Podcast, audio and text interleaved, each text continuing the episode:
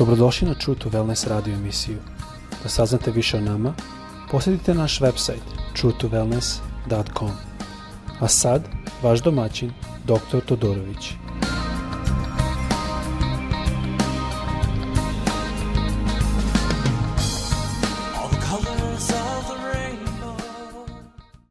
Dobrodošli na naš program Ljubazni, pozdravljam vas iz Floride, ovdje iz Amerike koja trenutno gori pod COVID-om.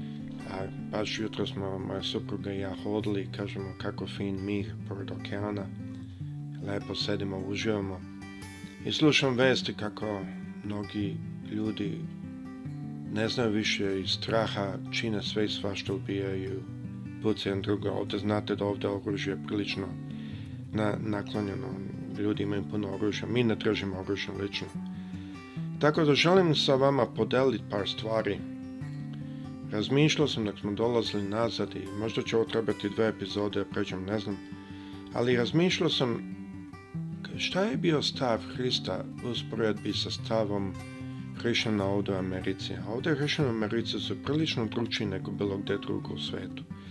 Ovdje Hrišani vole oružje, ovdje su prilično racisti. A, ovdje je vezano, na primjer, za jednu političku partiju koja je protiv aborci, abortusa i ja razumem to, ali opet sa druge strane ta partija je protiv da se pomažu siromaštvo, siromašni, protiv da se e, da e, medicinska e, pokriva, pokrivenje za sve ljude, protiv kontrole oružja, što je zanimljivo jer ako kažemo da ljubimo ljudski život, onda svakako bi trebali svaki ljudski život da, da ljubimo i to je razlog zašto Mnoge crkve su postale sablas mnogim mladima i mladi više ne traže crkve ovdje. Tako da sam razmišljao kako ova crkva i kako ovo hrišćanstvo i sa neke strane mnoge stare crkve pripadaju, bilo to katoličke, bilo to pravoslavno, pripadaju tome da su crkve postale van balansa. Postale su jako puna legalizma, kao što smo ranije govorili. A nekako kad gledam kad je Hristos hodao po ovom životu, po ovom svetu dok je bio među nama, vidim da nije se družio sa propovednicima i sa sveštenicima. Ne, nego išao je i propovedo je onima koji su bili prezrani, oni koji su kao prostitutki ili caranici ili ljudi koji su najniže bili. On je propovedo njima i mnogi od njih je posla on upotrebio.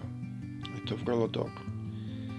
A kada dođe do fariseja, ne samo da nije se družio s njima, nego je bio prilično strog s njima. I to je prilično komplikovan da uđem to, ali sam razmišljao šta je razlike između ta dva. Krešnici s kim se Isus družio su krešli najviše u stvarima, bilo to do želje, bilo to, ali to su stvari koje su vidne. Stvari koje su, mnogo puta telo izaziva te stvari. Jedan put ljudi pogreše, jedan put ljudi se naviknu i dobiju određene navike. to je prilično teško izvaditi. Bog to razume. On želi da smo slobodni, ali on razume. A greh u kome su fariseji hodili, u kome su svećenici tada hodili, je bio grej koji se nije lako vidao. Ljubomora, ponos, zavist, što god dalje, to su stvari koje lepo možemo sakriti unutra. A to su stvari što su jako često oštete drugima. I da ne ulazim puno to jer ima, to u stvari su dve razne kategorije greha koje je meni zanimljivo i ja sam skoro studirao ali želim danas da govorim više iz Luke, deseta glava, te kaže 30. stih do 36. stiha kaže ovako. Isus na to reče, silazio neki čovjek iz Jerusalima u Jeriho i dopao ruke razbojnicima. Oni ga svuku, pretuku, da odu, ostavljući ga polumrtva. Desilo se da je tim putem silazio neki sveštenik. Kad je video unesrećenog nastavio dalje. I neki levit je prolazio tim putem, video je nesrećenog i nastavio dalje. Tako je i neki Samarijanin putovao tuda. Kad je došao do nesrećenog, pogledao ga je i sažalio se nad njim. Zatim mu je e, prišao, prelio njegove rane uljem i vinom i previo ih. Onda ga je stavio na svoje magare odveo ga do gostionice i pobrinuo se za njega. dan je izvadio dva srebljenika, dao ih je gostioničaru i rekao, postaraj se za njega. Pa ako potrošiš više, doplatit ću ti kada se budem vraćao. Želim malo da govorim o ovome. Taj put između Jerusalema i Jeriho, ja sam bio tamo, to je otprilike 17 milja ili da kažem negdje oko 35 km. I poznat je da je vrlo opasan. To je put gde su vrlo velike strmine, gubi se negde, ako se sećam dobro, oko a, nekih 3000, 4000, na 4000 fiti. Znači, i dobrih pa metara se gubi u visini. Jerusalim je negde oko maltene kilometra iznad, a Jericho je dole prilično niže. I kaže da je prošao svačenik tuda, na engleskom kaže malo drugčije i na grčkom isto kaže kad, je prošo, kad ga je video, prošao je sa druge strane ili prešao na drugu stranu puta. To je malo drugčije e, piše. Ovdje samo kaže nastavio tim putem. E sada, sveštenik je bio neko koji je bio vođa Božeg naroda. On je govorio i trebalo bi živo po zapovestima. Jedna od tih zapovesti je da ljubimo bližnjeg svoje kao samog sebe. Zada ovaj svešćenik koji je prošao, jako je on bio vođa i on je to propovedao, on nije stigao. Možda je bio previše zauzet sa svojim poslom da stane da pomognemo ovom čoveku. Mnogo puta možda smo mi previše zauzeti sa našim poslom da pomognemo. Možda je ovaj čovjek bio već i mrtav, pa onda ako bi svećenik se taknuo njega, onda bi bio da, da mora da sedi sedam dana. Nečist, kaže ne, na našem. ne znamo tačno, ali on je prešao sa druge strane. On je prošao pro njega sa druge strane. Zašto? Znao je da je trebao stati. I on nije nastavio tom stranom puta, on je prešao na drugu stranu, prošao kao da ga ne vidi je puno lakše ne vidjeti na drugoj strani. On je znao što treba da uradi i nije uradio. Levit je isto ne išao, on je pomoćnik svećeniku, bio u službi i on je došao i kaže, pogledao je na engleskom, malo je drugčije na engleskom na, na našem. Kaže, pogledao, je, bio je radoznao, ali nije to pomoć. To sam vidio puno puta u Kini, da ljudi su jako radoznali što se dešava, nisu spremni da pomognu. Čak mnogo puta snimaju da vide ako nešto loše da se da snime. I on je isto prešao na drugu stranu puta i prošao. Znao je znači da, da je treba nešto raditi. zašto bi prešao na drugu stranu puta da je ne može da ga vidi? Znači pravio se da ga nije vidio. No znači isto da je on znao da je ovaj čovjek živ. I zanimalo ga je šta se desilo, ali nije imao tu želju da mu pomogne. A Samaritan je naišao, sada to je malo zanimljivo. Zašto Isus izabrao Samaritan u ovoj priči? Ja da se ovo zaista i desilo. Zato što su jevreji i Samaritani mrzli jedan drugu. I on je naišao i on mu je pomogao, očistio je rane, pokrio rane, doveo ih i on je dao čoveku novac da se brine s njim. A e sada Samaritan i jevreji su mrzli jedan drugog. Ali ovaj čovjek nije mrzio. Iako je to bio jevrajin, on je stao da mu pomogne. Mi nemamo iz, izgovora da ne pomognemo nekom ako možemo. Nema veze ko je on i šta on nam radio. E, Jevreji su uvek verovali da kada dođe Samaritan i takne ih da su nečisti.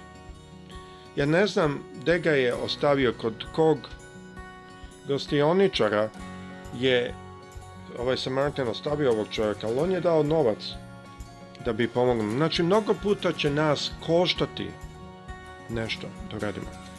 Isus je na kraju rekao, šta misliš? Ko od ove trojice je bio bližnji onome što je pao razbojnicima ruke? Moramo paziti, ljubazni, da razumemo stav Hristov. On nije trčao da bude glavni među propovednicima i svećenicima. Njegovo srce je uvek bilo za narod koji pati, koji trpi. Sada morate znati da Samaritani i jevreji su mrzili jedan drugu. Možda mi ne shvaćamo zašto i koliko. Samaritani su, recimo, na primjer, nisu svi jevrejskog porekla. Upravo većina su bili na, na božačkog porekla. Ali pošto su verovali da su i dalje potomci od Abrahama, na taj način su oni malo napravili između sebe i jevreja. Jedan loš odnos. E, dok su dolazili jevrejci nazad iz Babilona, oni su se opirali tome da jevreji dođu nazad u svoj zemlju. Tako da prilično ima mržnje između ta dva naroda. Oni su napravili svoj hram na planini gerizam i to su pravili kao da je to njihovo i da je to pravo mesto. I onda posle toga, a, oprilike 167 godina pre Hrista, dok je bio a, rat između jevreja i neznabožaca, oni su se a, družili sa ne, neznabožcima. I onda kasnije kad su jevreji pobedili, oni su uništili njihov hram koji su oni napravili, to jest samarateni napravili na gerizmu, planina grizma. Znači, to je bilo prilično mrežnje.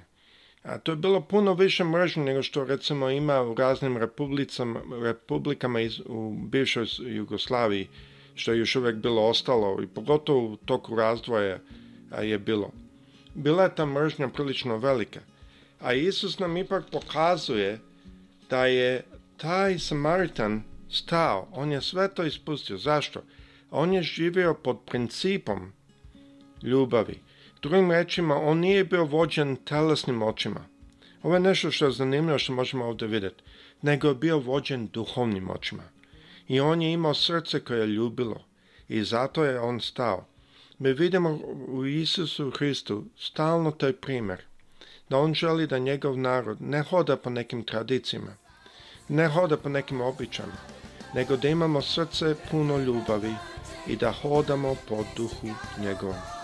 I to je jako bitno da znamo i da zadržimo. Tako da to je jedna lekcija koju sam želio da podelim s vama iz ove priče što je Hrist ovdje stavio. Nadam se da je ovo blagoslov s vama. Opet pozdravljam sve iz Floride. Gospod sa svima vama. Prijetno.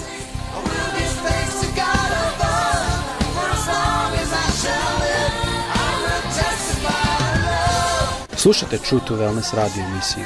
Pridružite nam se ponovo svaki utorak, četvrtak i subotu. Za kontakt molimo posjetite naš website truetowellness.com.